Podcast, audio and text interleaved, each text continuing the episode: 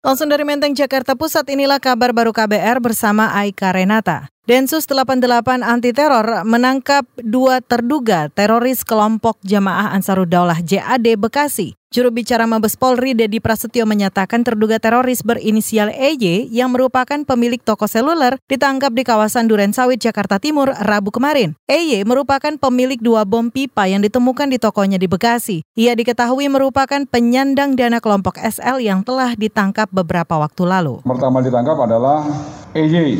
Ya, EY adalah seorang Amir CAD Bekasi. Ya, jadi kalau yang kemarin SL adalah leader dari CAD Lampung, ini adalah Amir dari CAD Bekasi.